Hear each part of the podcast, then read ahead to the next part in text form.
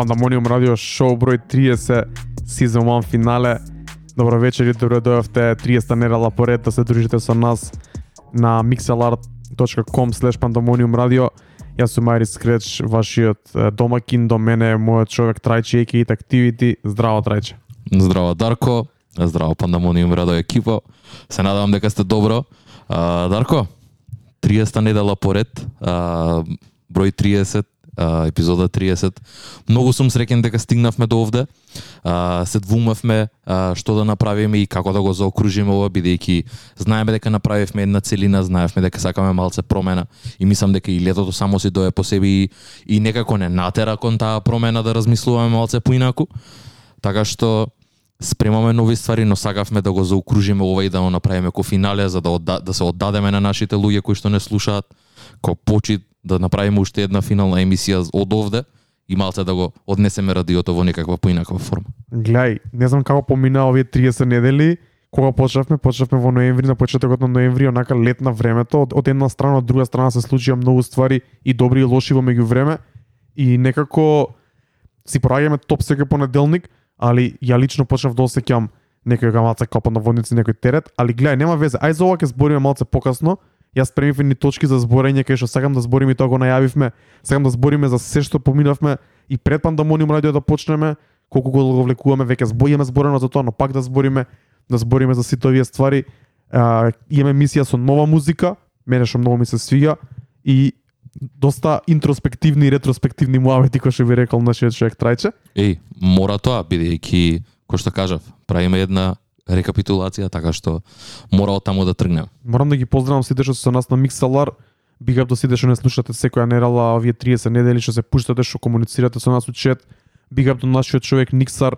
Сигурно веќе знаете дека он е in-house дизајнерот, третиот член на Pandemonium радио. Го поканивме да дојде денеска, али поради оправдани причини не можеше да присуствува, иначе баш ке беше добро да беше и он тука втор пат позади микрофонот знаете дека не дојде на, на, на третата емисија од HQ, добро ќе беше да дојдеш и на 30-тата, да даеш некоја негова перспектива на ствари, веќе ќе ги збориме ја и Трајче, али ќе го направиме тоа пак со него дефинитивно. Поздрав до него, поздрав до Секси Марса, Джо, Курчо, Д Милев и сите останати на Миксалар. Почнавме со 4 траки, ќе слушаме нова музика, паралелно ќе збориме за некои за некои ствари, тоа што имаме прво на, на дневен ред, откако ќе слушнеме уште некоја песна, е онаа дискусија за Маунт Рашмор на 2010-тите години која пред која онака 5-6 дена више плови на Инстаграм од сите страни се појавуваат постови и постови.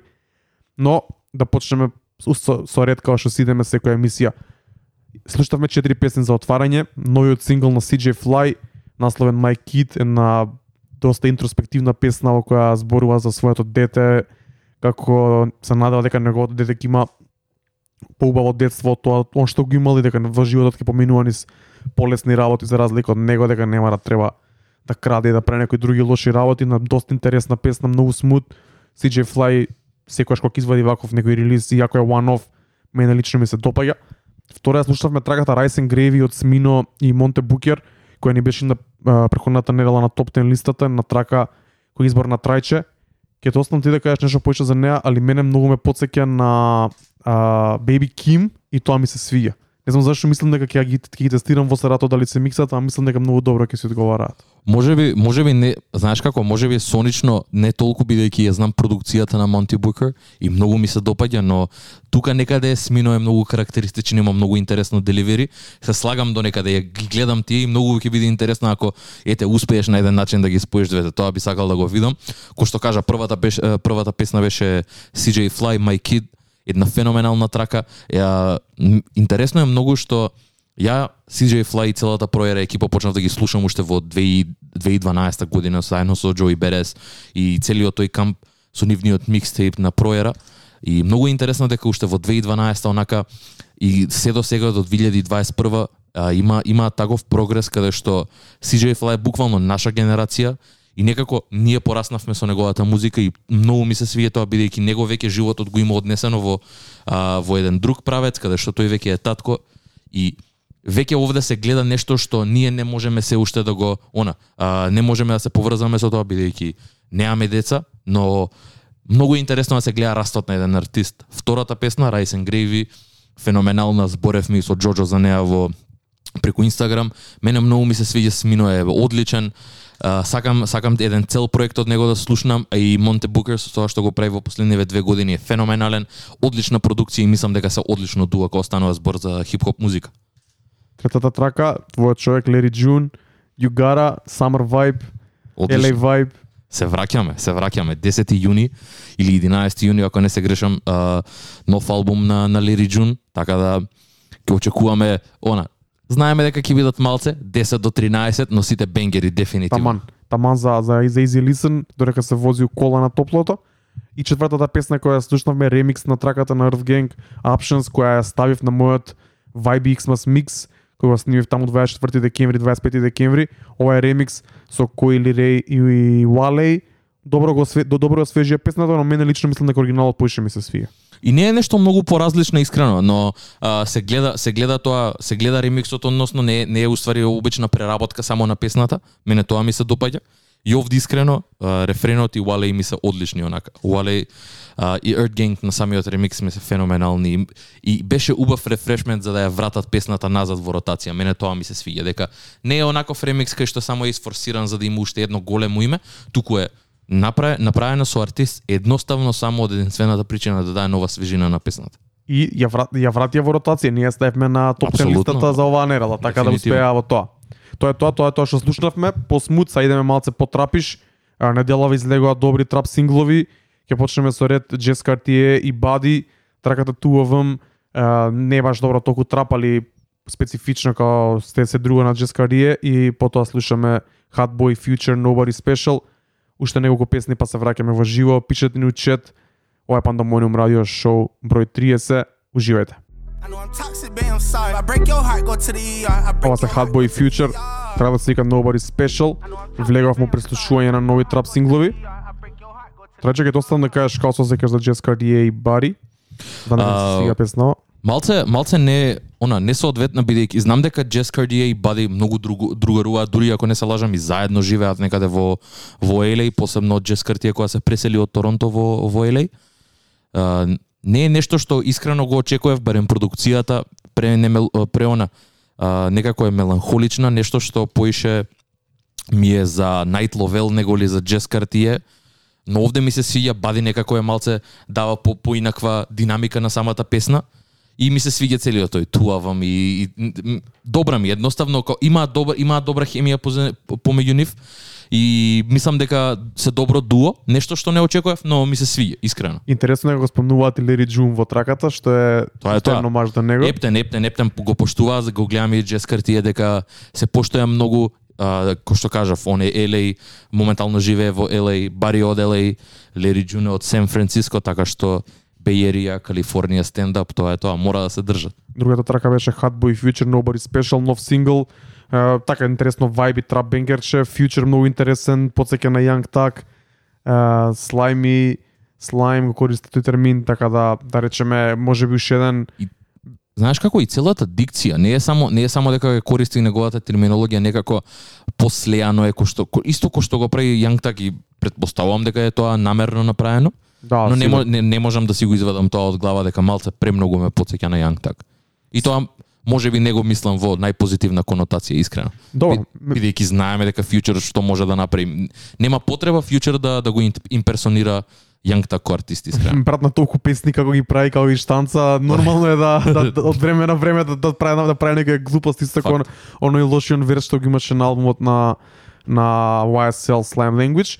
Идеме со траката која мене беше хайлайт на викендот. Birdman, Lil Wayne и Roddy Rich. YMCMB is back. Траката се вика Stana Man.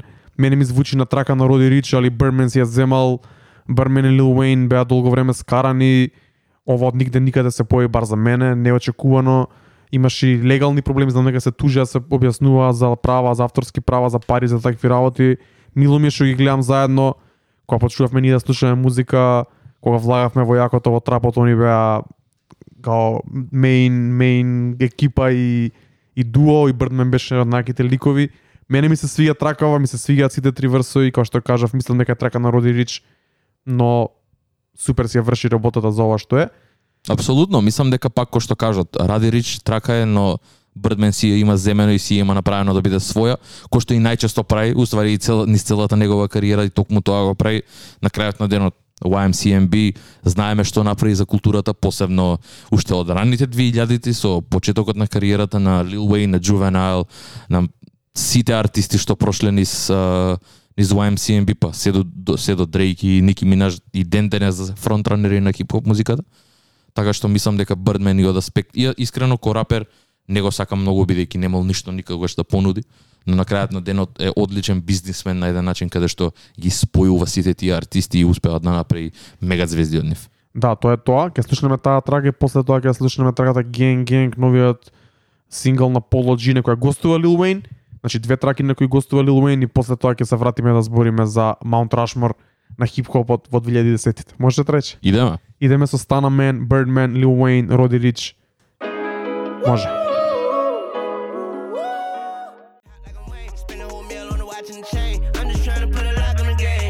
Shit from this Glock when it flames.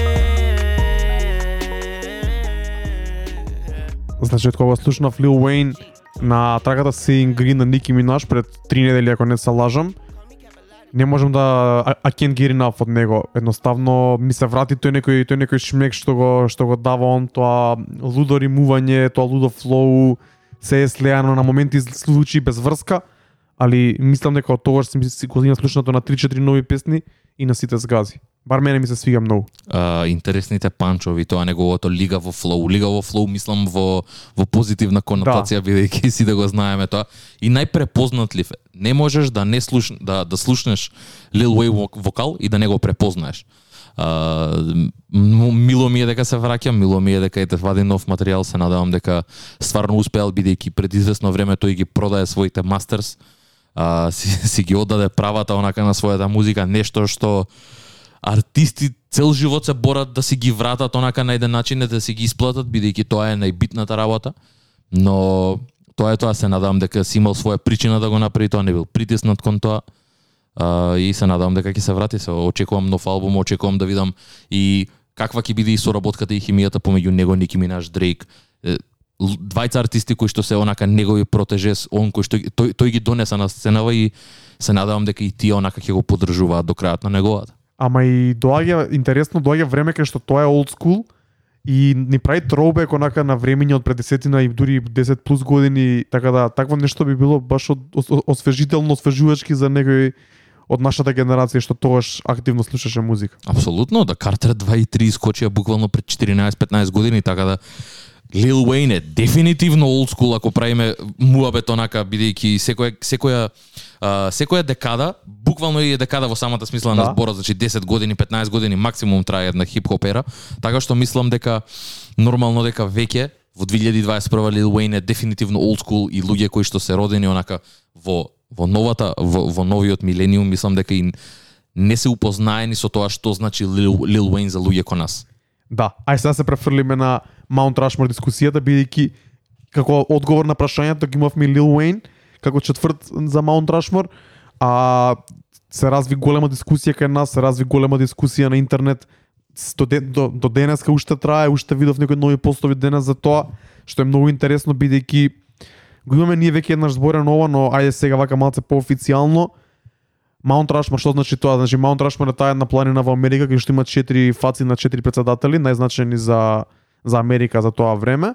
И кога се збори за Маунт Рашмор, се збори као за greatness. Знам дека најголемите дискусии се за Маунт Рашмор за NBA, за NFL, беа и за хип-хоп долго време, кога се смени генерацијата, малце да речеме изгубија свежина тие Маунт Рашмор дискусии кај што се збореше за Тупак, за Биги, за нас, за некои рапери од таа ера и сега се актуализира прашањето Маунт Рашмор на 2010-тите. Значи периодот од 2010 до 2019 најверојатно се рачуна тоа официјално. А, предлогот што го дадоа Rap Genius беше Drake, Kendrick, J. Cole и четвртото место беше празно и беше намената да се да се отпочне дискусија. Така да кажем ми прво ти да те прашам дали се слагаш со нив тројца дека се тројцата најдобриот четворица. Без никакво двоумење, мислам дека било кој а, рап фан да го прашаш, кој што пораснал во таа, значи во кој што почнал да го слуша Дрейк, почнал да го слуша Кендрик во 2011 и 2012 и е свесен за импактот кој што ги имале сите три артисти, вклучувајќи го и Джей Cole, мислам дека тие три ќе бидат првите три избори за од четири, бидејќи мислам дека е стварно no brainer кога станува за 2010. Нема нема нема други артисти кои што ќе онака оставија трага за во тие 10-9 години ко тие тројца. Четвртото место има веќе стварно кога ќе се подзамислиш и малце кога ќе навлезеш подлабоко. Овде стварно она има доста контендерс за многу различ, ра, разни причини. Ама ќе кажам овие тројца си го заслужуваат местото овде бидејќи знам точно зошто се таму. Со четвртото место го имам тој проблем каде што свесен сум дека има неколку кои што одскокнуваат, но има и други кои што онака си го заслужуваат тоа место бидејќи во тие 9 години, 10 години исто биле многу активни, исто биле многу важни за културата и биле цело време во спотлајтот. Да, значи, како као прво вие тројца се certified бидејќи имаат и објективно квалитетни материјали, и голема продажба, и големи хитов, хитови синглови, и се активни од 2010 до ден денес без прекин. Значи си ги да речеме ги опфаќаат повеќе критериуми кои и, и за тоа токму мислам дека ми е зациментирано местото на ова на ова листа на овие на овој Маунт Рашмор. Ајде да почнеме само се хронолошки кој друг би требало да влезе. Логично и имаше и многу такви реакции Kanye West, а ја тука го ставам и Lil Wayne. Ќе кажам зашто можеби Kanye West не е на мојата Mount Rushmore 2010 бидејќи јас него го слушам од предходно и мислам дека неговиот импакт, иако My Beautiful Dark Twisted Fantasy кој ние го прогласивме за најдобар албум на претходната декада е actually во 2010 мислам дека најголемото влијание ја, ја би го би го иземал тој албум бидејќи на сам на почетокот на декадата мислам дека најголемото влијание на Кање најквалитетниот материјал на Кање е некаде во периодот од 2005-6 до 2010 според мене. The Life of Pablo е тука, да, 2015 ако не се лажам, но мислам дека Кање е, ја би го ставил во една декада предходно, бидејќи он е, поради него се случи промената на оваа декада. Јако тој е активен до ден денес, но мислам дека ако земе да споредуваме и, и албуми Yeezus и е, мислам дека не се на баш на некој ниво као што се може би албумите на Треви Скот од друга страна кога би го земал за оваа дискусија. Kanye West е можеби the GOAT, но ако збориме конкретно за 2010-тите, мислам дека има други артисти кои не, кои можеби субјективно не би не би спаднале во друга категорија. Е, што го тоа место тука. Што мислиш ти за ова? За Kanye West и паралелно и за Lil Wayne, иако Lil Wayne мислам дека уште по, за- уште повеќе за него важи тоа бидејќи веќе таму после 2013-2014 го изгуби својата изгуби својата релевантност. Ја тоа ќе кажав, прво ќе почнам за Lil Wayne бидејќи истата причина која што ја дае ти за Kanye дека Kanye има креирано музика многу поодамна и не е она coming of age артист кој што навлегол во 2010-тите онакако свежо месо на еден начин бидејќи веќе бил естаблиран артист со три албуми позади него. Истото и дури и повеќе важи за Lil Wayne бидејќи Lil Wayne значи бил на она on his mixtape shit имал веќе три албуми извадено до 2009 и веќе ги има jumpstart на то Drake, ги има jumpstart на то Nicki Minaj, ги има формирано YMCMB, така што мислам дека овде конкретно Lil Wayne не може да не може да да биде ставен бидејќи буквално и генерацијски некои 10 години е различно Да. и од Kendrick Lamar и мислам дека овде е она би рекол да ост- ќе ќе останеме со артисти, барем според мене, треба овде да се стави артист кој што паралелно работел и ја градал. Овде единствен единствен онака единствен exception би направил само за Kanye West бидејќи иако кој што велиш да неговиот прв ал- значи има веќе и, и тој има три албуми кои што се револуционерни во хип-хоп музиката дури и пред 2010 има направено премногу револуционерни работи и пост 2010 Заради тоа не можам туку така да го отфрлам и тука ми лежи бидејќи да, My Beautiful Dark Twisted Fantasy беше она албум Meeple, еден од најдобрите И Watch the Throne е 2010-та. и Watch the Throne, апсолутно. А, но знаеш како? Тие беа монумент, монументални. Може би Watch the Throne малце ја смени играта, ама на пример uh, My Beautiful Dark Twisted Fantasy тоа го зборев и тогаш која која го- го обработувавме и која навлегувавме во албумот дека не ја смени играта кој што мислиме, едноставно само е парче само за себе и а Kanye со Jesus повеќе ја смени играта него ли, него ли со My Beautiful Dark Twisted Fantasy. И тоа не е лошо, бидејќи никој не можеше да го реплицира ова. Многу луѓе пробаа да го реплицираат а, звукот на Jesus и знаеме трапот што стана после 2013 кога дојдоа Тројбој, кога дојде цел цела на EDM сцена и кога ст- трапот стана таков кој што е.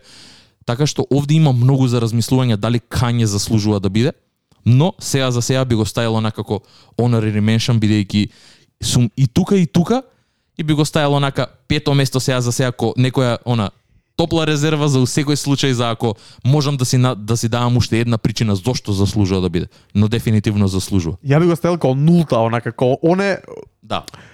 оне основата за друго се што се случува. Така некако ја го гледам во моите очи. За тоа го, го сметам, го сметам Кање и Лил Уейн, па дури артисти као Рик Рос и некоја таа генерација, таа измеѓу генерација кои го сосда, кои го преминаа мостот, она што се вика, ја, ја, см- завршија од една ера, ја почна другата ера која во 2010 година, после 2010 го зема својот замав на најако можно. Ова се само мислење, преме дискусија недобро намерно, знаете дека не е не е не е ништо И нормално е да изоставиме многу имења. Знаеш како? Еве да почнеме, така? 2012. Што поч... Као што ние слушавме за да почнеме? Освен Дрейк и све, ја почнав да слушам онака трап музика која што ја знам.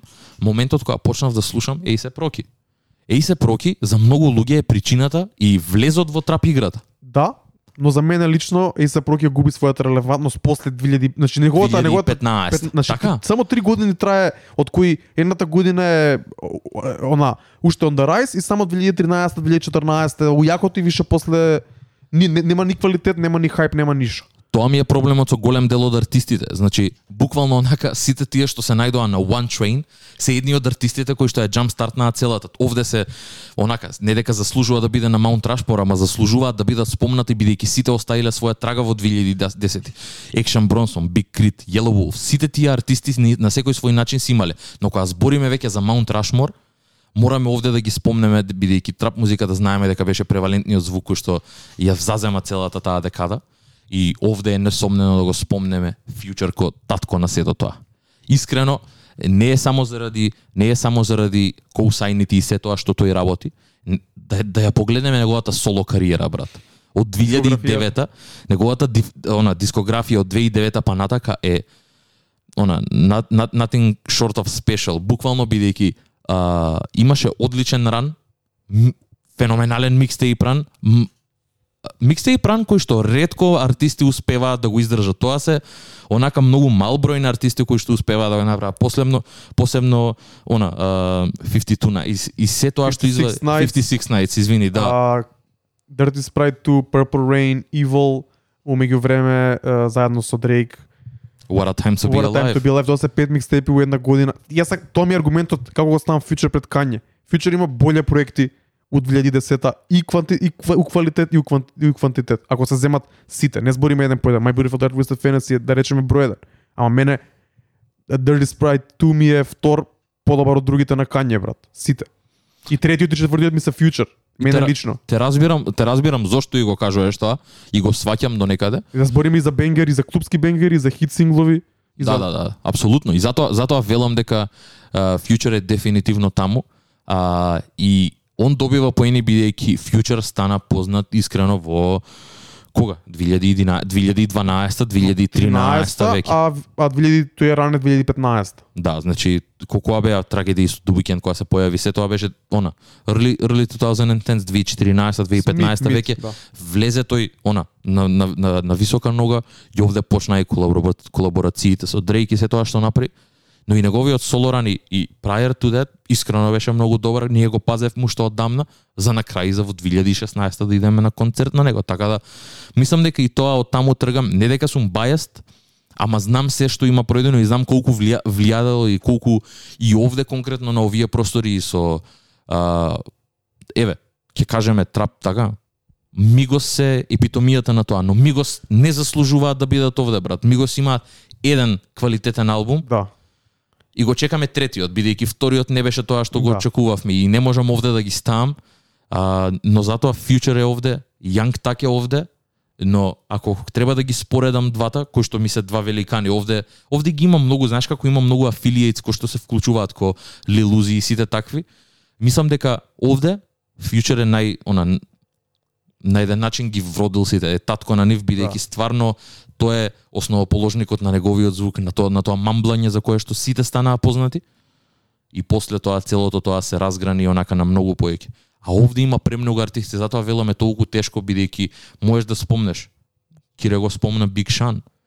Биг Шан е исто така еден од тие артисти. Знам дека ти имаш онака mixed feelings за него, ама исто Биг Шан од 2010 од Guap, па од Детройт микстейпот, па и од од Cruel Summer и од се тоа што направи и од сите тие cosigns што ги доби и од Kanye и од целата рап и- од, од, од целата рап култура, значи од Дрейк. Мислам дека и тој заслужува да биде спомнат, но не и да да, да биде таму. Е па знаеш мене како ми е, мене Big Sean ми е third tier, значи трет tier. Има ако првиот се Future, uh, Young Thug, Drake, Kanye, uh, Kendrick, Travis Scott, вториот се A$AP Rocky, таа екипа да речем од понова генерација, не знам кого би стајал искрено во моментов да не да не сгрешам да не треснам. Тука ми е Big Sean трет, значи онака ми е бидејќи мислам дека има солидни проекти, има солидни колаборации, но не е не е на тоа ниво, онака, на тоа greatness ниво. Бар за мене лично, Мек Милер беше многу добар одговор што го добивме што го забораваме за нас лично и таму и спаѓа он можеби не во на Маунт Да. да. Рашмар, али во вториот во вториот тир мислам дека во второто на второто ниво мислам дека спаѓа. Знаеш како, Мек е таму, но не припаѓа таму бидејќи Мек ги немал тие хитови, го немал тол импакт на Да. културата кој што го имал. Тој имал многу засебен импакт кај што тој многу влијал на својата фан база, но не влијал на културата подопшто. И тоа е Мек, тоа е неговата енергија, тоа е неговата музика и не можам да го одземам тоа, ниту сакам да го одземам тоа. И затоа не можам од таа причина да го ставам во Маунт Рашмор. Еден од омилените артисти воопшто ми е и го кажувам ова свесно, Rest in Peace Mac, а, така што на крајот на денот, кога веќе би, мор, би морал да одберам еден, мојот пик ќе биде Future. All things considered, мојот пик ќе биде Future. Добро, ајде сега да подискутираме малце. А, Тревис Скот? Како Брат. гледаш на Тревис Скот? предобар ми е, многу го сакам, но знаеш како? А, премногу го гледам дека барем ја така го чувствам може би да сум грешка. А, знам дека има направено премногу, го поштувам целиот и негов микстейп каталог, го поштувам и неговиот соло каталог бидејќи стварно има направено многу од албум во албум сите секој секој е со различна она со различен звук, со различна продукција, иако работи цело време со истите продуценти, некако успеваат да изнаоѓаат нешто. А, има премногу, знаеш како и овде овде ви овде ќе го спомнам и The Weeknd. А, некако ги ги испоистоветувам, може би Тревис има поголем импакт, но Тревис исто така прерасна во многу поголема звезда, го надмина некако рапот. И затоа не можам да го ставам во рап она Маунт Рашмор, иако неговите албуми се со квалитет тука. Може би и дури и подобри, искрено, и покарактеристични него ли тие на Дрейк, ама Дрейк знаеме што значи, бра, знаеме Дрейк што носи, знаеме Дрейк што има.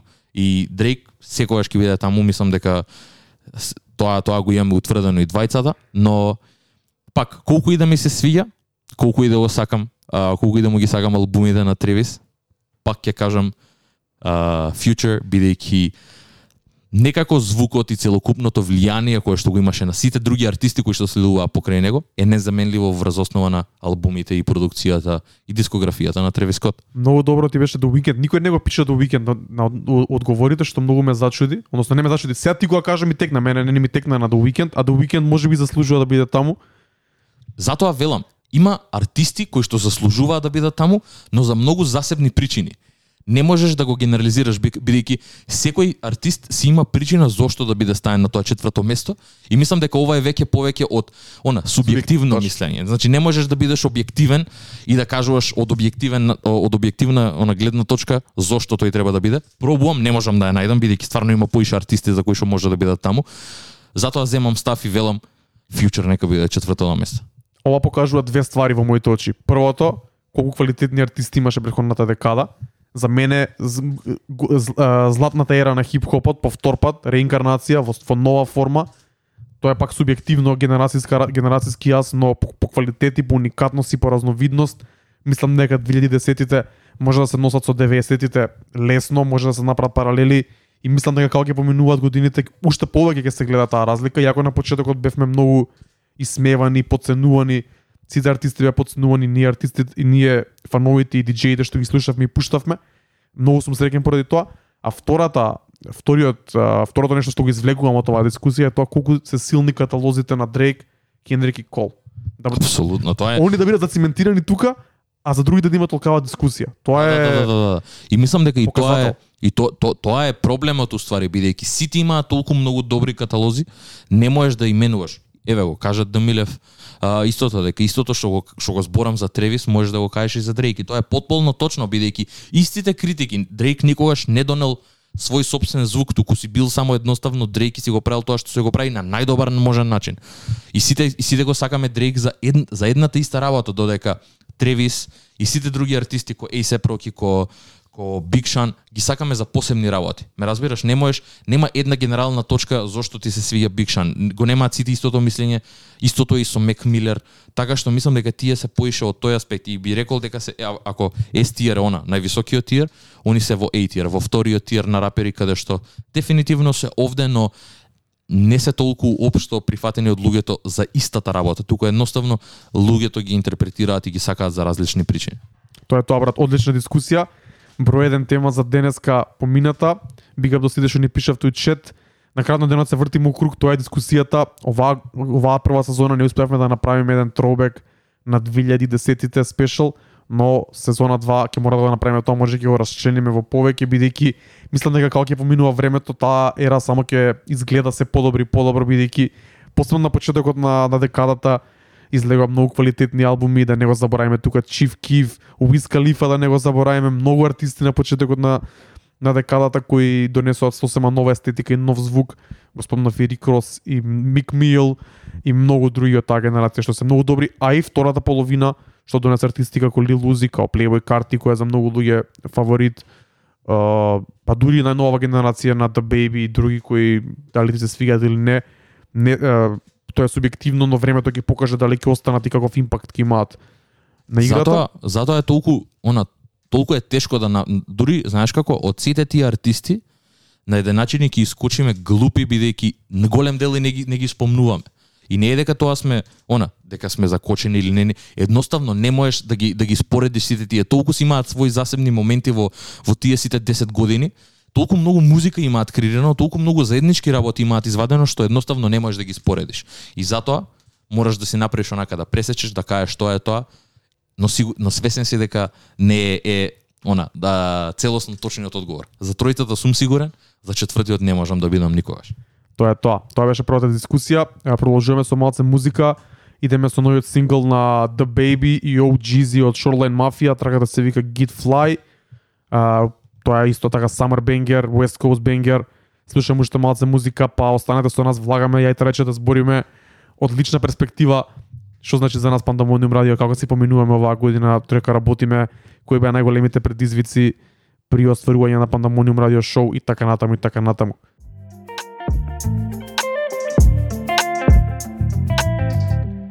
Ова се Blast и Binary трагата се вика Movie, една така лесно, летно бенгерче, R&B, а, трече, добро? А, Одлично. така интересно песниче, ништо посебно мислам дека ќе оставам во Сарато ако се вратиме за брзо во клубови може ќе влезе во некој warm-up сет, ама не и не дека верувам дека многу ќе се пушта. А претходната трага што ја слушавме Get Fly од The Baby од Jeezy, мислам дека има поише потенцијал за ротација, иако не сум сигурен како би прошла во македонските кафичи и клубови. Малце е почудно неголи стандардните да беби песни. И тоа не е лошо за да беби, малце да си скочи од комфорт зона, да види што може и кај може. Тоа ми се свиѓа. Ова мислам дека и дури онака како мал искрено втор пат го слушам на ова. Прв пат беше Under the Sun а, на песната со Dreamville. Ова е втора колаборација кај што она го слушам во поинакво светло и секогаш искрено ми е и подобар. Не Да, не подобар, не по, не подобар кај што песната може би ми се свиѓа прсе онака поише, но самиот факт дека да Baby прави поише со неговиот вокал ме радува и бидејќи искрено го сметам за еден од малце по quote unquote досадните хип-хоп артисти на, на новата на новата деценија, но ќе видиме како ќе биде што ќе направи. Знам дека има потенцијал. А, и знам дека верува во себе таков само бендисан и знам дека си го кажува тоа најслушан артист на Spotify, бројките не лажат, така што uh, More Life to the Baby и ќе видиме што ќе извади следно, брат. Тоа е тоа, брат, дефинитивно си управо. А, идеме со една песна која доби ремикс, најпопуларната дрил песна до сега. Единствената дрил песна која дојде на број 1 листата во, во Англија. А, и тоа предизвика огромни позитивни реакции, се разбира најголем дел поради TikTok популарност, но и песната си е добра, ја пуштивме тука оригиналната, односно ремиксот, оригиналниот ремикс го пуштивме тука пред едно месец и пол, ако не се лажам, трагата да се вика Бади од Тион Уейн и Раз Милионс, на ремиксот се појавуваат многу артисти меѓу кои Фави Форейн, но трагата да доби и американски е, ремикс нов, на него на, на, на овој последниот ремикс се појавува Джек Харлоу, кој искрено многу добро ми звучи и мислам дека овој ремикс ќе ми влезе во ротација исто така. И мислам дека ќе се надам дека ќе е популарен кај луѓето и дека ќе може да имам у мојот сет онака едно мини мини сегмент од 5-6 дрил песни кај што би вклучил нешто Pop Smoke, five Foreign, Бари траката и нешто од Central C така едно 5-6 песни, мислам дека и се надам дека ќе биде прифатено кај публиката. Би сакал да го чуеме овој ремикс, интересно е дека Джек Харлоу има една фудбал референца, нешто го спомнува адресот на Фулам, а и викендов се појави Джек Харлоу како слави за победата на Челси со дрес, така да изгледа дечкото си гледа фудбал и биг до него и не знам ти дали уште си за Челси брат. Еј, Честито брат, ајде, баш ми е. Баш ми е мило, брат. Искрено ми е мило. Заслужено и мислам дека само напред и Кире мислам дека беше за Челси ми се појави на на на Блуз, Инстаграм. брат, блуз. Big up до сите што се за Челси, all love, и ако сум за Ливерпул, мислам дека тоа мини ривалство пројде. No bad blood, брат. Да, да, да, нема Не- бедлад. Не сме, не сме, не сме. Идеме со Tion Wayne, Russ Millions, Jack Harlow, Buddy Remix. И после идеме уште една трака, најновата, најновиот сингл на NSG, насловен Colonization, една афро трака за денес. Многу јака, многу ми се свија. Идеме.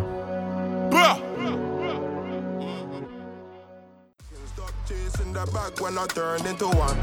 Area boy, we can't fear no one. Then the dirt, no face like M12. Then the dirt, no face like M12. NSG, Colonization, зборевме за NSG во поише наврати. Ова е нивниот најнов сингл, се надам дека најава за албум, бидејќи официјално Roots, кој за мене беше најдобар и најслушан афро проект за 2020 е микстейп. Искрено се надам, многу ми се свиѓа, ова е малце потврдо од нив и тематиката е таква малце помрачна, по генгста, по гето, но и тоа ми се свиѓа од време на време, бидејќи они се најчесто многу флекс, многу заебанци, ми се свиѓа кога има ваква тематика. Малце сум социјален коментар никому не штети, брат. Има мене многу ми се свиѓа. Имаме слушнато предходни ствари од NSG, а, ги памтам и нив и Шоуден Кемп онака ми останаа нај, највеќе во, во ум и во ротација. И ова ми се свиѓа, ова го нема вслушнато, и мене ми е прв пат да го слушнам, така што big up и стварно се надавам дека стварно ќе добиеме еден проект кој што онака ќе биде worthy за да се нарече албум. Да, проверете мојата екзотика плейлиста која направив вчера паблик, една селекција од стотина песни ranging from uh, сите подстилови на Afrobeat, dancehall, Latin music, урбано и регетон, реге, ќе ставам таму се што ќе ми влага у таква некоја летна позитивна варијанта и се надам дека ќе почнеме со журки дека ќе има екзотика журка, настан, каде што ќе се пушта само таква музика, едва и чекам такво нешто да се случи и две години го имам у глава. Се надам дека лето ова ќе се случи. Ќе мораме да го организираме како и да е. Ќе ќе мора такво нешто да има. Е, тука стигнавме до темата на денот, односно целата тематика на денешната епизода, како што веќе знаете, е последна епизода од првата сезона на Пандамониум радио шоу во ова, во овој формат. А, ќе почнеме да збориме за на оваа тема, сакаме да кажеме лично како се сеќаме, сакаме да се заблагодариме на сите што не слушаат постојано, сите што не следите на социјални мрежи на Инстаграм пред се, што комуницирате со нас, што, диску- што дискутирате и така натаму. А, ќе почнам ја рече, може така да почнам нај најодуша, најотворено да се зборам за темава бидејќи има многу што да се каже. Како и секогаш, брат, те молам, Многу, многу збориме за музика, а ретко се имаме шанса онака да збориме за тоа ние како се сеќаме работејќи работава позадински и за тоа ќе беше многу добри Никсерот да дојде тука бидејќи Никсерот е човекот кој е заложен за дизајните, Никсерот е човекот да речеме кој ја прави нај нема да кажам тешката, ама најонака захтевната работа од него зависат многу ствари додека он него направи нешто да не може да се објави на на Инстаграм. Интегрален дел од Пандамониум радио шоу, така да Да, big и, Никсар. и реално работи онака многу квалитетно и многу добри, многу сме задоволни и од дружењето и од соработката и од материјалите што ги вади Big Up до Никсар ако уште со нас дефинитивно ни фали штуку студио. Uh, ќе почнам да зборам малце пред, значи ние го ја почнавме страната Пандамониум радио на Инстаграм, ја ја реотворивме, ја, ја ре ја реанимиравме на некој начин во мај, средината на мај, таму неде 15 мај 2020 година кога почнавме тогаш зборевме за историјата, но има многу луѓе кои се малце кои по малце погасно ни се приклучија, па сега да направиме уште една ре- ретроспектива за Пандамониум радио од каде доаѓа и што се случуваше пред да почнеме во оваа форма. Панамониум радио шоу почна како една радио емисија на тогашното радио Street FM во 2015 година. Имаше само некои десетина епизоди. А, имаше тоаш многу добри албуми, знам дека тоаш беше излезе The Life of Pablo, еден албум на The Weeknd, ако не се лажам, The Beauty Behind the Madness. Имаше им, имав доста солидни емисии, ја водев сам, ми беше супер интересно, но после кратко време тоа радио сгасна. Имав идеи за да правам вакво нешто, цело време ми стоеше во глава бидејќи што од мал имав блогови и други начини на, на комуникација и промовирање на музика и на култура, но тоа паш ми трна добро со работата, трна добро со Trap the Fuck Up, трна добро на сите проекти што работевме со Шршац и се префрлив целосно на пуштање музика, но као проаѓаше време се повеќе ми фалеше онака некој издувен вентил на некој начин и место каде што можам да се искажам и да промовирам музика што ја слушам и да зборам со луѓе, а да не биде тоа во пијана форма во диско во три сабајле. И постојано размислав како што, што треба да направам. Почнав една Инстаграм страна од 2019, односно ја почнав оваа страна. Но ја никој немав а, трпението и редовноста и ревносноста да да ја одржувам и да пишувам и плюс да се земав многу ствари да правам сам, сам ги правев дизајните на Canva, сам пишував. Ти тука почна да пишуваш одредени текстови да ми помагаш околу целото страње, но набрзо тоа згасна за жал. За кога почна карантино да си речеме онака еј мора да го да го вратиме ова бидејќи сега е правиот момент да се да се направи ова го замолив Трајче, го прашав дали сака да биде дел од ова, да биде, да речеме, посериозно, да биде 50-50 со мене, на некој начин и многу сум среќен дека Трајче прифати да го, да го правиме тоа. Uh, big up до Илија Димковски од Ок Streets кој го направи дизајнот првичен, целосната естетика ја смисли од почеток и мислам дека Ептен ја погоди стварта како што ни одговара нас за оваа работа и мислам дека е он еден од најдобрите и најдобриот во Македонија кога станува збор за хип-хоп, за трап естетика и слично. И неко проверете новата колекција на Ox Street и Раце горе ќе има промоција од четврток, ќе го спомнеме тоа повторно а, при крајот на емисијата.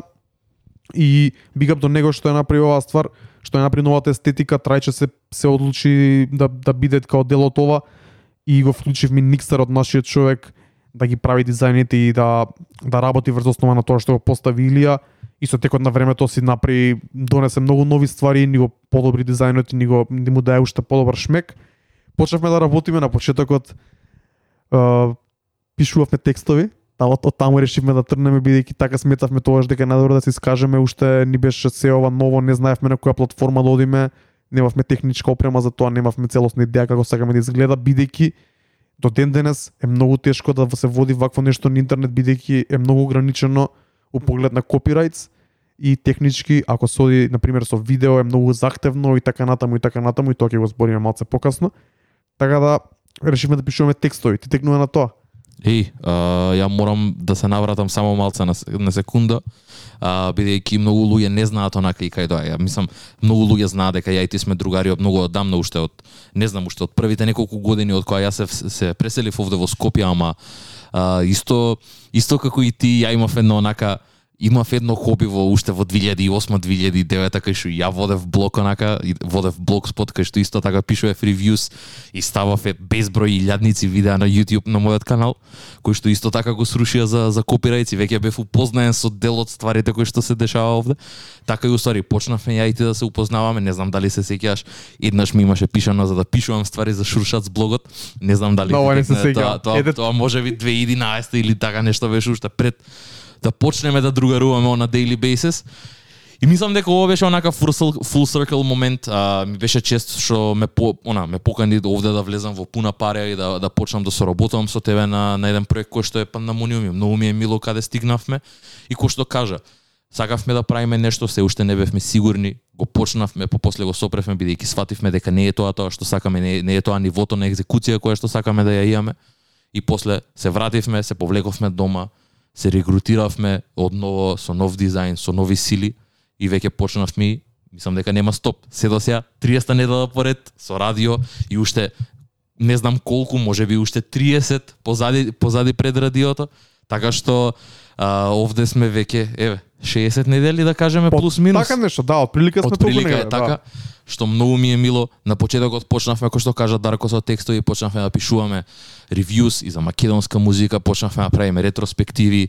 Една пробна емисија изведовме кај мене дома, после се преселивме овде во студио, така што има премногу премногу моменти кроз сите овие 60 недели, а, каде што сме минале низ trials and tribulations, каде што сме имале некои препреки кои што сме ги надминувале, а, некогаш и можеби аматерски, но на крајот на денот функционирало и многу ми е мило дека го имаме пројдено целиот тој процес, се уште се пренаоѓаме, се уште сакаме да видоизмениме работи. И секогаш има некои новитети го менуваме, го менуваме. На крајот на денот остануваме на тој форматот кој што го сега кој што сега го третираме, но на крај сакаме нешто и затоа и ова е тоа на еден на еден начин сизон финале каде што го затвараме ова и сега ќе од- ќе бараме и ќе ќе креираме нешто ново, така Дарко? Да, да, да, тоа беше многу интересно. Значи пишувавме ние текстови од мај, бевме знам дека многу активни тогаш и влеговме шема и со Никсерот правеше секој ден дизајн. Мислам дека секој ден објавувавме. Знам дека Кира напиша текст, Буци напиша текст, а имаше Дамилев, не се сеќавам дали напиша тогаш или напиша малце покасно за под радарот за, за Шанел 3. Нина напиша, Марина напиша. А, добивавме голема помош од од соработниците од блискиот круг на на Пандамониум радио и тоа ни даде само онака енергија за да може да продолжиме. Се дое летото, земавме пак пауза нормално ше ше како што што треба, али кога дојде есента решивме да почнеме со радио шоу, да почнеме со топ листи, да почнеме со гостински селекции, да доведовме но, многу новитети кои ги теравме до сега. И сега малце ќе ги ги теравме uh, weekly basis секоја недела. И сега е право време ова да се затвори на овој начин како што функциониравме до сега, за да онака да си да си дадеме оддишка на некој начин да може да се фокусираме на следните ствари што ќе што ќе доаѓаат од есен. Ми интересно беше дека воведовме ми видео, за, за мене лично видео беше целосно нова територија и уште не се снаоѓам баш у видео. Видео е многу захтевна работа, тоа е цела филозофија и цела наука сама по себе, онака цел скил сам по себе. И многу интересно дека се проширивме на YouTube и YouTube сакаме во иднина да го разработиме степ бај степ како и се друго што разработивме бидејќи се правиме ние лично со нашето слободно време и нашите познавања и технички можности. Апсолутно и мислам дека дефинитивно си отвараме нова нова сфера на на ствари која што онака и не сме спремни на еден начин, но ќе најдеме ќе најдеме некој човек или или кој да е кој што са, ќе сака да ни помогне, кој што ја дели нашата визија и ќе сака да да биде дел од ова. Се надевам дека ќе биде така, ако не ќе си го презееме тој товар на нас и ние ќе го носиме, но знаеме дека сакаме, знаеме дека сакаме да влеземе и нешто да правиме по не, не, не дека тоа одзима, но сакаме да правиме нешто по суштинско, сакаме да, да видиме и поише платформи и да да разграничиме некои некои работи и да да правиме едноставно поише контент кој што и ние сакаме да го креираме. Едноставно а, сакаме да си отвориме нови работи и нови гледишта, каде што и нас ќе ни биде интересно, а и на луѓето кои што не читаат и слушаат ќе биде по и позабавно и поинтересно и поише ќе бидат engaged во самата работа кој што е Пандамониум. Тоа е тоа.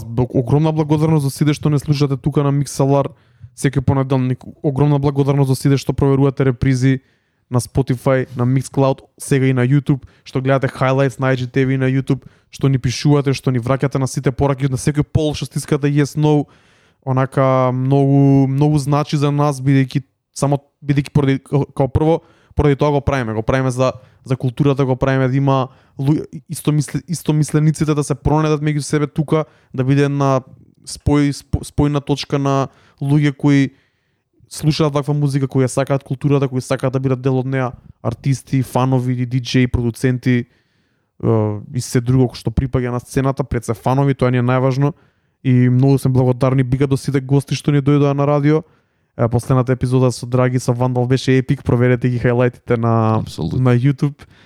А, кажи ми како лично како како лично влијаеше оваа година на тебе или ајде мора ова- или, или годинава со Пандамониум радио или првава сезона со Пандамониум радио шоу. Што што научи, што ти се смени, како се што колку си различен поради Пандамониум радио шоу од лани? Па искрено, знаеш како во моментот кога почнавме и со Пандамониум, и со Пандамониум радио шоу, мене ми она посебна некако на посебен начин со Пандамониум радио и кога почнавме со сите постови унапред знаеш и самиот знаеш дека унапред онака имавме многу енергија, имавме многу брейнсторминг за што и како ќе правиме, спремавме спремавме а, текстови, пишувавме многу во тој период. И таа беше целата целата моја енергија беше она впуштена во тоа да да пишуваме контент за да имаме да вадиме да бидеме константни, да бидеме на ниво на кое што сакаме да бидеме бидејќи и текстовите кои што ги пишувавме не сакавме да бидат онака половични, сакавме да бидат максимално објективни, да им даеме на луѓето наша перспектива, да правиме deep dive на секој албум што ќе го презентираме, што ќе кажеме, да без разлика дали се први импресии. Први импресии значи дека 10 пати го имаме преслушан албумот и, и во пробуваме во најкратки црти да, да го објасниме сето тоа. И тоа целото резултираше во во нови статии, во нови во, во на нови форми на изразување, нови текстови, нови теми за текстови, артисти да покажуваме, плейлисти, курирање, овде почнав користење она многу поише. Најглавната промена за која што повеќе пати имаме зборено и ја и тие мислам дека некако и нас ни се отвори целиот тој начин на слушање музика. Мислам дека големи фанови сме апсолутно, премногу слушаме музика и ти ко диџеј, ја ко, ко музички сно понака, но на крајот на денот мислам дека ова тотално ја смени играта за двајцата, бидејќи она знаеш како ме тераше, не дека морам, а, не, не дека чувствував притисок дека треба да давам нешто на луѓето за нов артист или нов албум, туку едноставно некако самото тоа ми даде поттик и алгоритмот овде беше вклучен за да може сето тоа да функционира каде што секоја недела добивав по 10 нови артисти онака за на крајот на годината да имам 900 и кусур преслушано различни артисти да да имам преслушано еден месец во 12 да ми да ми имаат поминато на музика, така што мислам дека направи огромна промена во тој, ми дае некаков потик, ми дае нова енергија, музиката која што ја слушав, слушав исто така ми дае многу голема енергија за да ги правам работите што ги правев овде заедно со тебе,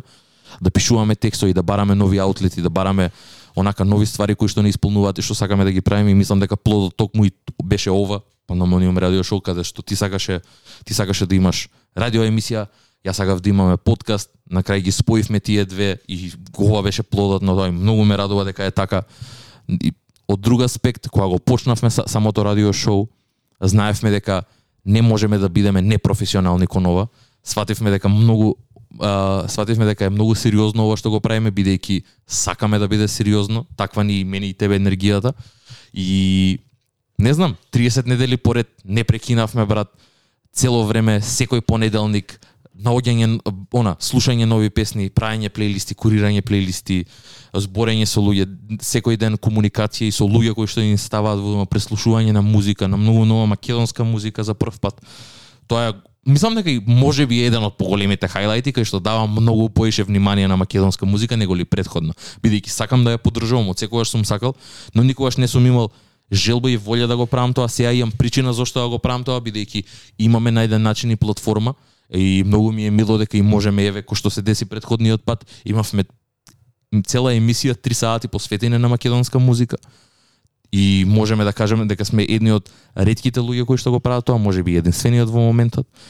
Така што за мене Пандамониум радио шоу и Пандамониум радио ко, ко проект мислам дека имаше само многу позитивни позитивни онака ствари. Ми има имам придобивки од сето тоа бидејќи многу ме радува дека сме овде, многу ме радува дека дека го правиме ова двајцата заедно и мислам дека она искрено ако не беше ти мислам дека и не можам да го правам ова со било кој брат и многу ми е мило дека го правиме ова. Исто брат, ти си човекот што единствениот човек за кој би можел и би требал би сакал да го правам ова. Бар за старт би сакал и да вклучиме други луѓе се разбира, но како што кажав и на првата емисија се сеќавам, Трајче еден од, од ретките луѓе што целосно ме надополнува кога станува збор за слушање музика. Од Трајче учам поише нови артисти, новости и други ствари него од било кој друг во Македонија сигурно тоа. Така да он е правиот човек за ова дефинитивно facts.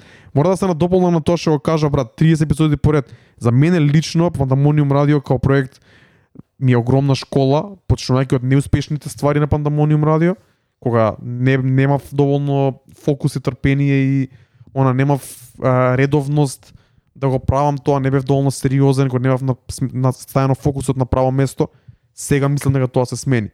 Тоа што викаш ти 30 недели поред. Јас сум човек што многу лесно, многу брзо му се засадуваат работите, многу лесно се откажуваат стварите ако нема одреден фидбек или ако нешто не е баш како што треба еднаш, два пати, три пати. Со Пандамониум радио и со пандемијава посебно, а, го надминав тоа и сметам дека не сум веќе таков. И тоа, она идење со глава од зид и секој понеделник и секоја недела да ти пишам тебе што ќе правим утре за радио, да спремам текст за најавата, да му пратам на никсера да го подсетам, да водиме секој понеделник, да спремам после топ 10 листа, да направам IGTV highlight. Таа рутина, тоа никогаш во живот претходно го немам правено. Секогаш сум ги заташкувал работите, сум ги ставал онака, ај после после утре ај ќе се видиме, ај ќе ќе ќе направиме, ќе направиме и така и тој се одразуваше на пандемониум во првите години. Среќа сум дека го надминав тој, мислам, тоа е за мене огромен личен успех што научив да одам против тоа. И уште една многу битна работа, научив да не се водам по хайлайтс и по по по лајкови и по реакции, бидејќи имаше моменти кога си напишал некој текст, добиваш 20 лајка на постот. И токму поради тоа сум многу среќен дека Инстаграм ја донесе новата опција да се трнат лайковите од постои, бидејќи лайковите на еден пост не не може никако да опишат да го опишат квалитетот и времето и трудот вложено во тој истиот пост. Без разлика дали станува збор за слика на Инстаграм обична или станува збор за некој долг текст од 1000 зборови што сме го пишале ја и ти за одредена тема, а само дека не го знаеле луѓето не, не, не земале време да го прочитат и не стиснале лайк. Или го прочитале не стиснале лайк. Така да на, научив многу лично онака да, да лично да, да не се водам толку по реакциите, туку да да се стојам на своето и да пробувам да работам на тоа. И се надам дека ќе успеам тоа да го пренесам и кај тебе и кај сите други артисти кои не треба се да се разочаруваат ако имаат и 1000 views на песна и 500 views на песна, ние тука сме имале емисии кај што сме имале 7-8 луѓе, сме имали емисии кај што сме имали 50 во еден момент, вкупно да сега имаме над 7000 слушаност на на Mixlr, што е одличен успех за нас, но не ги гледаме бројките како бројки туку самите луѓе кои доаѓаат се многу победни отколку бројката на луѓе. Апсолутно, апсолутно. И мислам дека и знаеш како а, тоа што велиш, work, e, work етикот а, и work flow кој што го имаме моментално а, е захтевно на еден начин и, и се бараше од нас да бидеме недела за недела овде да ги правиш постовите искрено. Тоа е захтевно, бара енергија, посебно и јака е што секој ден сум 8 сати на работа и доаѓам ова да го правам така што си има своја позадина и се во ова, но многу ми е мило. Не се чувствувам изморено на крајот на денот, ме разбираш? Дури и се чувствувам онака со енергија полн кога ќе го завршиме ова, кога ќе заврши, кога ќе се повлечеме ја и ти и секогаш уште остануваме уште минимум пола сат 40 минути кај што правиме и рефлектираме на муабето што сме го направиле на радио. Така што многу ме радува дека сме овде и знаеме дека ќе го однесеме во во друга форма, во било се уште еве нема да збориме конкретно за било как за за што и како следува, можеби не во целост, но знаеме дека следува нешто ново и многу ме радува дека е тоа така стварно поминавме многу време, искрено, од кога пандамониум, а, мислам од кога фун, функционираме ко пандамониум, поминуваме ја и ти многу поише време, многу поише комуницираме, иако се знаеме преку 10 години ко другари, мислам дека тек сега доаѓа најдоброто каде што веќе стварно можеме онака да водиме диалог, да водиме муабет, да сме енергиите да си ги познаваме уште од два-три збора и мислам затоа функционираме вака. Мене многу ми се допаѓа енергијата, се надам дека и луѓето кои што не слушаат се уклучуваат заради тоа да слушнат некој муабет, да направат муабет со нас. Секогаш сме отворени за муабет со било кој доколку ни пишете во DM нема шанси да ви игнорираме и да не ви пишеме без разлика дали се работи за музика, за мислење, за што и да е за hot take. Секогаш сме овде и да се расправаме и да и да се и да она да се сложиме со вас. Дури да враќаме двајцата од, пандам, од профилот на Пандамониум да биде биполарен профил. Кире, Кире, Кире, Кире жртва на тоа. Еднаш се збуни, требаше да му објасниме што се случува. Извини Кире. А, така што факт брат, мислам дека многу позитивни работи се десија. Исто така да не го заборавиме и Никсарот брат. Никсарот исто така е главниот човек позади ова каде што човекот во, ед, во еден момент од недела на недела имаше по 4-5 поста да прави постови кои што внатре во нив имаа по, по минимум on average 7 до 8 слайда. Така што Да, по 700-800 илјада зборови. Апсолутно, мене најдолгиот текст што го имам пишано за Пандамониум беше 4000 збора за Кендрик Ламар, така што мислам дека тоа како дипломска работа, дипломски труд за некој на факултет. Така што не велам дека е лесно, но мене многу ми исполнува. Не можам да објаснам а, колку а, колку ми е мило ова што го правам. Цел живот сакам да зборам за музика, дури и некогаш ме правеле онака дека сум чуден дека зборам така за музика како што зборам. Мене никогаш тоа не ми не, она не ми влијаело на лош начин. Сегаш сум знаел што што сакам да правам. Ова е дефинитивно една од работите. Многу ми е мило што го правам ова и што имам конечно и на еден начин платформа да го кажам своето мислење без да бидам критикуван на крајот на денот. Овде сме да ги споделиме нашите мислења и било кој е добре да дојден да го прави тоа. Ние не сме кој што ова поиш повеќе пати го имаме напоменето, ние не сме експерти за музика. Јас сум музички сноб ти си музички диџеј кој што од од самиот она од самите почетоци со, со музика и имаш однесена кариерата кон таму. Така што мислам дека на крајот на денот ова пандамониум и не, не сме ја и ти само двајца, туку овде е Никсарот, овде е Алекс која што е цело време во позадина, овде се сите луѓе кои што не слушаат и затоа тоа беше примарната причина. Не за ние двајца да си даваме платформа, туку платформа за сите луѓе кои што сака да бидат дел од ова, да може да го направат тоа. И тука би поканил уште еднаш сите луѓе кои се осеќаат дека имаат нешто да напишат, да кажат, да да склопат плейлиста или не, не знам, Кара ни пиша, е имам плейлиста склопено. Ајде брат за две недели ќе објавиме. Апсолутно. Uh, Димитар Кире ни пиша, ај, ај, да пишам текст, uh, Jesus is King се сеќам дека го пишуваше Кире. Ајде брат повели, ќе ќе најдеме ќе ќе направи од дизајнот, ќе направам ја лекторирање, не е проблем, ќе го ќе го објавиме. Секој што сака да биде вклучен на било каков начин, Пандамониум радио, ш- Пандамониум радио ќе му ја дае платформата или во uh, текстуална форма, или во аудио, или во видео понатаму, big up до uh, 90210 рап, кој вика имате професионално однесување, кул би било ако се префрлите на YouTube. Полека се префрламе на YouTube. Планираме летово, бидејќи нема да бидеме постојано активни вака на овој начин, да спремаме за на YouTube ствари што ќе бидат поинтересни. Се надеваме дека ќе добиеме македонски албуми од нашите пријатели и соработници и да ги поканиме тука да разговараме. Се надеваме дека ќе добиеме албуми од Дрейк, од Кендрик, од цела екипа, да ќе може да направиме албум ревју што ќе иде на YouTube. Така да мислам дека се надевам дека ќе ќе продолжат луѓето да не слушаат и да не читаат и дека ни, и ние нема да направиме пауза, туку само малце ќе осмениме начинот на работење, малце поопуштено, но исто квалитетно. Апсолутно нема да замениме квантитет и квалитет, туку можеби ќе го намалиме квалитетот на квалитет, односно квантитетот на квалитетот ќе остане исти.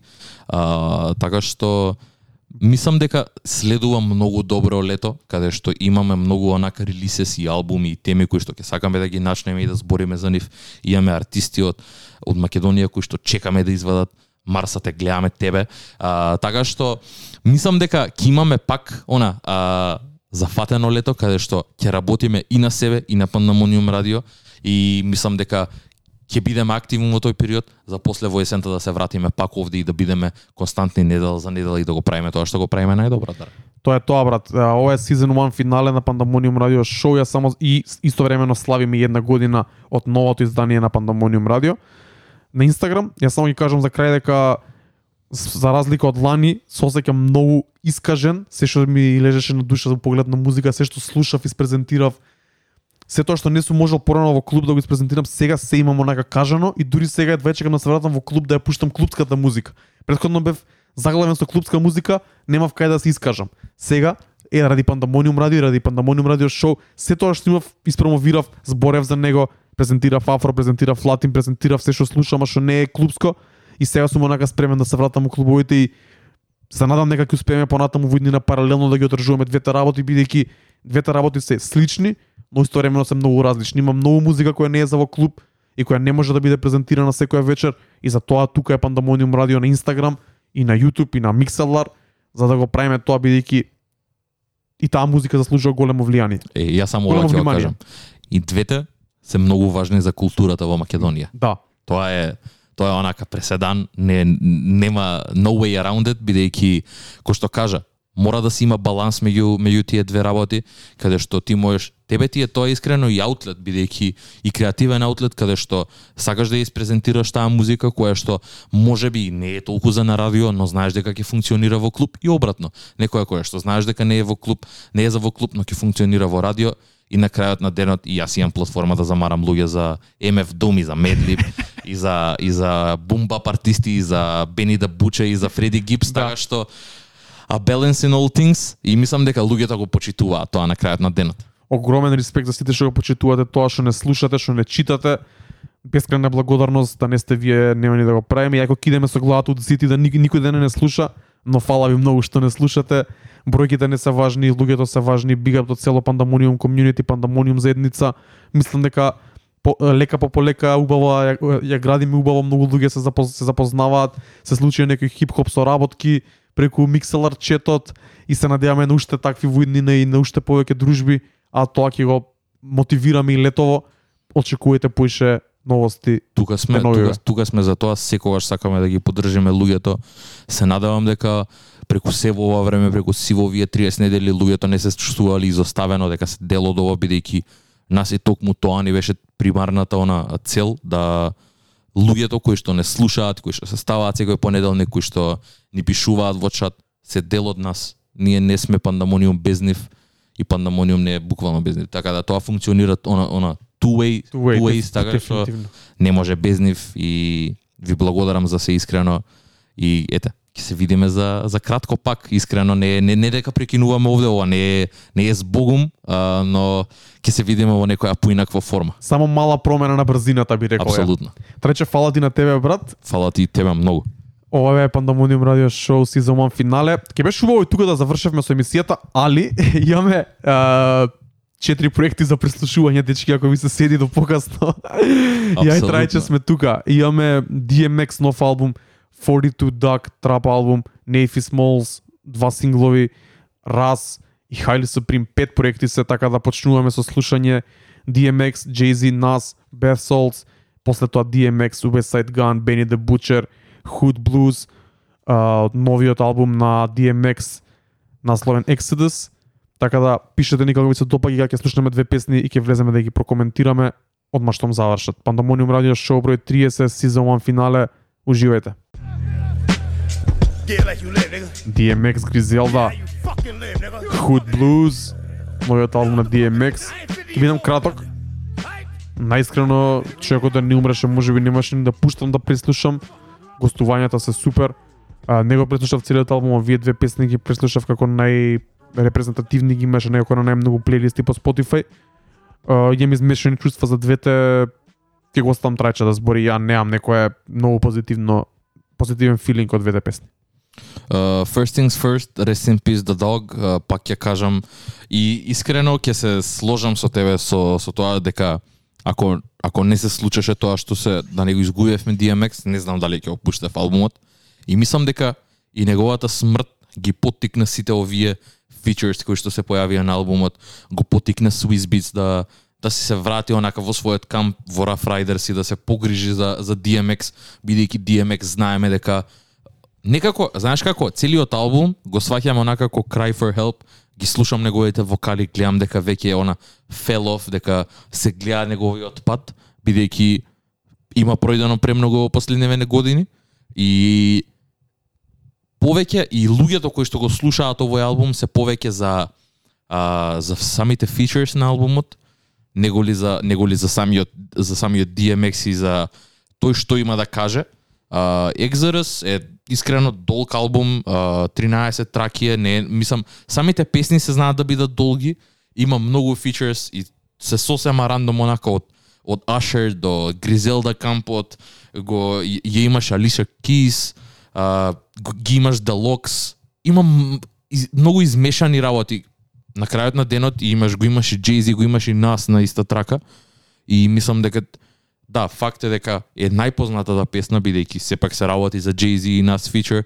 Ова ова се случува втор пат годинава. Првата првата соработка беше на DJ Khaled проектот, но ова тотално ме разочара, онака мислам дека Swiss Beats иако е многу препознатлив во својот звук и кога ќе го слушнеш, знаеш дека е Swiss Beats. Драги го препозна. Драги го препозна и мислам дека а, она со било кој и и да немаш некој некој извршен звук ако го- ако имаш слушнато 5-6 песни од Swiss Beats знаеш дека е ова негов бит но на крајот на денот песната ми е една од можеби полошите на албумот и искрено Hood Blues ми е многу посвежа и многу подобра неголи неголи трагата со трагата со два легендарни артисти кои што се онака и Pierce на еден начин на DMX и кои што биле заедно во текот на целата негова кариера. А худ блуз на другата страна ми е многу свежа, ми се допаѓа битот, интересен е, ми се свиѓа дека се сите тројца овде и дека West Side Gun рапува, Benny the Butcher си ја зима песната онака во скут и ја прави лом. Многу е добро, а, посебно овде има еден многу добар лайн кај што вели дека а, онака не си го знае ни својот татко, но ги има одгледано сите. Многу добар панч, Бени е од секат онака ептен оштар и многу е искрен и многу ми се допаѓа заради тоа. Но на крајот на денот, освен Hood Blues, не сум сигурен дали било која од песните ќе ми остане во ротација. го поштојам многу DMX за тоа што го има правено, но не се сеќавам онака последен пат кога ми текнало да пуштам DMX трака. Но знам дека ги има многу квалитетни, посебно старите албуми, но не е ова нешто што ќе ми остане во рака во ротација да како и да е Rest in Peace, uh, The Dog, Rest in Peace DMX и ете, мислам дека на крајот на денот се погрижија да направат албум и се надевам дека а, сите средства кои што ќе и, и она албум sales и се што ќе се случи со овој албум дека ќе на неговата фамилија на крајот на ден. Многу важно бар тоа да биде пропер и да биде фер како што треба. Тоа што DMX ако ви се допадна на слушната го албумот Exodus, идеме со следниот проект а, за денеска 42 Dug а, Freedom Boys албум извади пред една недела, тек сега го преслушав, трап шите ми се свиѓа, посебно неколку синглови, посебно ми се свигаат, кога слушнаме две песни Still Catching Cases со Flavio Foreign и Rowdy Rebel. Rowdy Rebel е пет од пет, ако не се лажам, од кога излезе од затвори. Овде ми е многу јак и трагата Maybach со Future, каде што Future згази многу добро. така да ги слушаме две песни, па ги прокоментираме, пишете никако ми се допаѓаат. Идеме со Still Catching Cases, 42 Duck, Flavio Foreign, Rowdy Rebel. I'm just turning up for my city. I'm just turning up for my city. I've been turning up for my city. се сложивме со Трајче дека ова е фьючер што двајцата многу го сакаме. Ова е тој тажен, а во исто време Braggadocious фьючер. Уште самото флоу кога влезе Трајче го сети и дефинитивно мислам тоа е тој golden golden age фьючер. Ово е тој препознатливиот а, звук на на Future, но ајде да да не она да не збориме малце за фичерс, да се вратиме на претходната песна, бидејќи кој што кажа Rowdy Rebel, тоа што го прави овде и тоа што го прави на сите претходни фичерс и се тоа што има извадено од кога се врати од од затвор е феноменално и е nothing short of special. И стварно се надевам дека ќе имаат некоја мега соработка со Баби Шмерда, знам дека Баби веќе го спрема албумот. Се надевам дека е при крај и дека летово ќе го добиеме. Но Rowdy Rebel многу ми е мило дека она а, го зеде тој предизвик, го пополни местото дур Бабиш Шмер да го спрема неговиот проект и онака е репрезент за GS9 и за се тоа што беше во 2014 година. Така што shout out Rowdy Rebel, Free Favi, исто така феноменален на трака, се надам дека ќе прекине да прави глупости у затвори, дека ќе опуштат порано. И Future, кој што, Future, кој што кажа, феноменален. А, искрено прв пат ја слушам песнава, прв пати го слушнав албумот денес која го која се договоривме и која го ставивме на на на плейлиста мене не ми не, она не не ми се појави ни, ниту на релиз рейдер бидејќи 42 да го немам слушано, но гледам има одлични фичерс, долг албуме.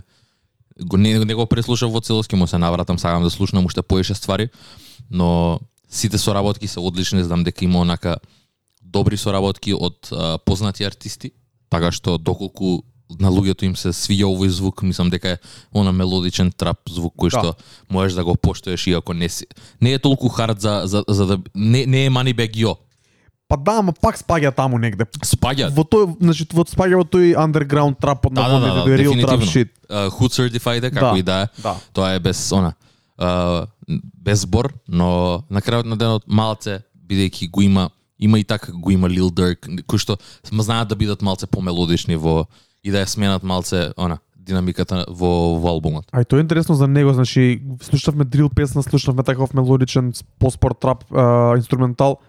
Се појавува тука и West Coast инструментали неколку, а, се појавува хард трап инструментали, така да има од се по нешто. Тоа е интересно за 42 Duck дека не е заглавен само на одреден саунд како Moneybag Yo, например, туку Шара пробува да речеме од од 19 песни 4-5 се сосема солидни и веќе ги распоредив по плейлисти. Проверете како ви се допаѓа соработка со Роди Рич, For the Gang, а, има која веќе има 32 милиони плейс на Spotify што е одлично за еден ваков артист како 42 Duck. Тоа беше тоа за него. Идеме на следниот проект, сега ги спои вака бидејќи тоа ми текна викендов, Нефи Smalls извади мини проект, а, таков дабл сингл што го викаат сега на Spotify со две траки Highs and Lows и Find My Way. Во петокот само ова ми беше во ротација, буквално само вие две песни, ништо друго. И сватив дека Нефи Смолс ми се допаѓа бидејќи многу ме потсеќа на Future, бидејќи Нефи Смолс е многу мелодичен, пее, е, а тематиките му се многу слични со Future, бидејќи на моменти е тажен, а на моменти се курчи, и на моменти од еден стих во друг, онака ја прави таа таа некоја неспоредлива работа, кога прво збори нешто лошо и у истиот момент кажува ама сега го правам тоа или тешко ми е али возам тоа и тоа. Однака тој тој момент многу ми се свига и затоа и да ги спојав овие траки така бидејќи овие две песни на Nave Small се така малце поинтроспективни и во нив збори за одредени работи, иако звучат многу мелодично и на некој начин и не весело, него така. Убаво звучат, а збори интересни работи. Го имаме премногу пати зборено, знам дека е многу квалитетен. Искрено се уште онака не сум навлезен и не сум во тој мут кај што ќе го слушам онака day in day out и ќе го пазам што што што вади, но сакам да слушнам и да видам и да го искоментирам после брат. Е, па ајде, идеме со Navy Smalls, Highs and Lows, UK Thing in the House. Ајде, може. Telling me that I'm next up. Yeah, I've been feeling like my stuck. Ова е Navy Smalls, траката Find My Way. А, за мене Navy Smalls беше можеби најслушаниот артист за 2020 кога паш кога почнавме првата епизода од Pandemonium радио шоу, го промовиравме неговиот заеднички проект со М Ханшо, DNA, ете 6 месеци, 7 месеци не извади ништо ново. Овие два синглови се надам дека овој дабл сингл се надам дека најава за нешто повеќе, бидејќи на вистина ми се допаѓа. Трајче ќе ни кажеш од- на кратко као- Одличен, одличен звук, знаеш како? Ми се свиѓа а, алегоријата што ја направи и споредбата помеѓу Future и, и на Фисмос ја гледам не е толку очигледна кој што мислев дека е, но but it's there, као таму е. Можеш да ја видиш ако сакаш, ако се уште кој што кажав, го немам преслушано, знам дека на Фисмос искрено вади многу и она од почетоците кога го зборевме со М. Ханчо, се сеќавам убаво, се сеќавам на неговите проекти, се сеќавам на моментите кога што кога сме го збореле Нефисмос и знам дека ти е тебе во константна ротација. Знам дека и го имаш тајно и на и на на, на миксови и по по многу плейлисти. Така што се надевам дека ќе му се навратам онака како што треба пропер и да да видам што е за тоа бидејќи се уште не сум толку навлезен во во британската музика кој што си ти, но се надевам дека ќе се смени тоа. Тоа е тоа. До- Слушаме и втората сезона ќе правиме UK Special обавезно. Мора. Мора, тоа тоа дефинитивно мора да се случи. Како што веќе знаете на стори постиравме дека раз се се враќа во оној а, а song a week момент, моментум и си работи човекот на тоа. Веќе имаме три песни, ако не се лажам, или четири. А, четири се веќе, ќе слушаме од нив три. Четири недели поред ни дава по една песна. Вчера баш го зборев со DJ Нести, big up до него. DJ Нести нешто последно време многу навлечен на раз. Па баш го, го зезав малце и баш зборевме со него што му се свига, што не му се свига. И токму поради тоа решив да ги ставам овие песни, а баш ти ми кажа дека и ти сакаш да ги презентираме. Што е многу интересно. Дали имаш нешто да ги најавиш песните или сакаш да ги да ги пуштиме па Знаеш како нема да зборам за трака по трака. Ќе зборам за раз тоа што го направи и како а, раз беше едно време своевремено SoundCloud ра- рапер.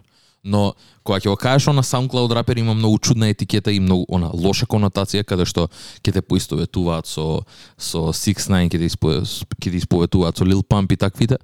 Ова не беше тоа. А, раз буквално почна а, си направи еден концепт каде што секоја недела, една година, секоја недела ќе вади една нова песна ко сингл и ќе ја закачува на сите стриминг сервис, тоест на ќе ја закачува на SoundCloud со цел да си ја изгради својата фан база.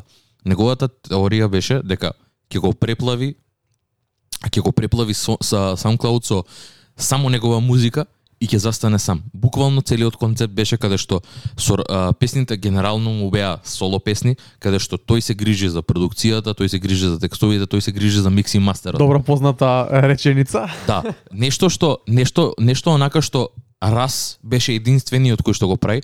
Ја Раз искрено го слушам. Мислам дека прв пат го слушнав некаде 2015-та. Уште тогаш имаше некои ствари на У истото време памтам дека го слушнав заедно со Блек. Затоа она имам некоја референца точка која која прв пат го имам слушнато и Раз во тој оддел е буквално звер. У смисла знаеш како не е нешто out of the ordinary. Искрен ќе бидам, многу луѓе го хајпаа дека е она, uh, Wonder или кој знае, не е некој музички геније. Текстовите му се сапар, пишувањето му е понекад мрзеливо и кринџи, продукцијата и искрено и не му е толку добра, но самиот факт дека си ја зеде кариерата во своји собствени раце, онака и успеа со брут форс, со, со глава од зид покрај а, против сите сили против него, значи целата индустрија каде што човекот одби а, некои три record label deals и од Колумбија и првиот пат ги одби Колумбија, сега веќе е подпишан за нив, ги одби Sony, ги одби Warner Bros, онака Universal ги одби за ненормални пари, за на крај да добие да добие договор каде што тој е единствениот рапер од тој од нивниот ростер каде што тој си ги има своите мастерс. Тоа е многу битно и целата негова борба резултираше со тоа, со тоа што музиката која што ден денес ја вади е комплетно во негова во негова посет и никој не може да му го одземе тоа. Затоа и тој толку на еден начин има една лоша етикета помеѓу раперите и помеѓу другите продуценти кај што он некако има еден курч не за неговиот а, не за неговиот а, скил сет и не за неговата музика, туку за неговиот стендинг во културата каде што тој со 100.000 пе- плейс прави пари ко за ко со артисти кои што имаат 80 милиони плейс. Да. И овде е многу него овде е неговата магија кај што тој ја има другата математика, а бројките ги има на крајот на денот. Имаше еден одличен албум а, и многу ми е мило дека се враќа од таму каде што почнал и дека го направи, она го прави тоа што го направи него да биде тој препознатлив раз што е денес. Така што big up за ова се надам дека и стварно ќе издржи онака цела година, 52 недели да вади трака по трака. Знам дека може и ќе видиме до кај ќе тера ова. Сега во ерата на стриминг и на Spotify и на Apple Music мислам дека уште поголем успех има, плюс што ги има 100% а, авторските права од секоја песна. Апсолутно. Мислам дека ќе биде флад да да стриминг сервиси си ќе биде газање за негов финансиска смисла, а и у смисла на квалитет, бидејќи еве песните се вртат. Даме ги слуша, ги става во сарато, ги става на миксови, ги има на различни плейлисти, бидејќи ќе чуете сите три песни со различен стил, си го наоѓаат своето место и ако продолжи така може да направи одличен ран и за една година да, збориме дека ќе биде можеби артист што одбележал годината, кој знае. знаеш како? Тој буквално и го направи на некој начин со а, као не знам искрено со Wolf како и да се викаше тој неговиот претходен албум, а, кој што исто беше исто беше а, многу добар и искрено имаше голем хейт за тоа, но знам дека светската турнеја која што направи беше онака sold out уште од самиот момент пред да тргне. Нешто што индепендент артисти не можат многу да го да го клеймнат, онака го немаат тоа и имаше премногу луѓе кои што му велеа дека нема да успее и тоа успеа наспроти она сите тие коментари. И тоа многу ме радува бидејќи е прв артист искрено втор артист кој што имаше таа шанса, но не ја искористи беше Chance the Rapper. О, а, Рас беше единствениот моментално кој што онака ја удри шамар на цела култура и кажа не ја ова можам да го правам сам, но доколку сакате distribution дил, еве ви го.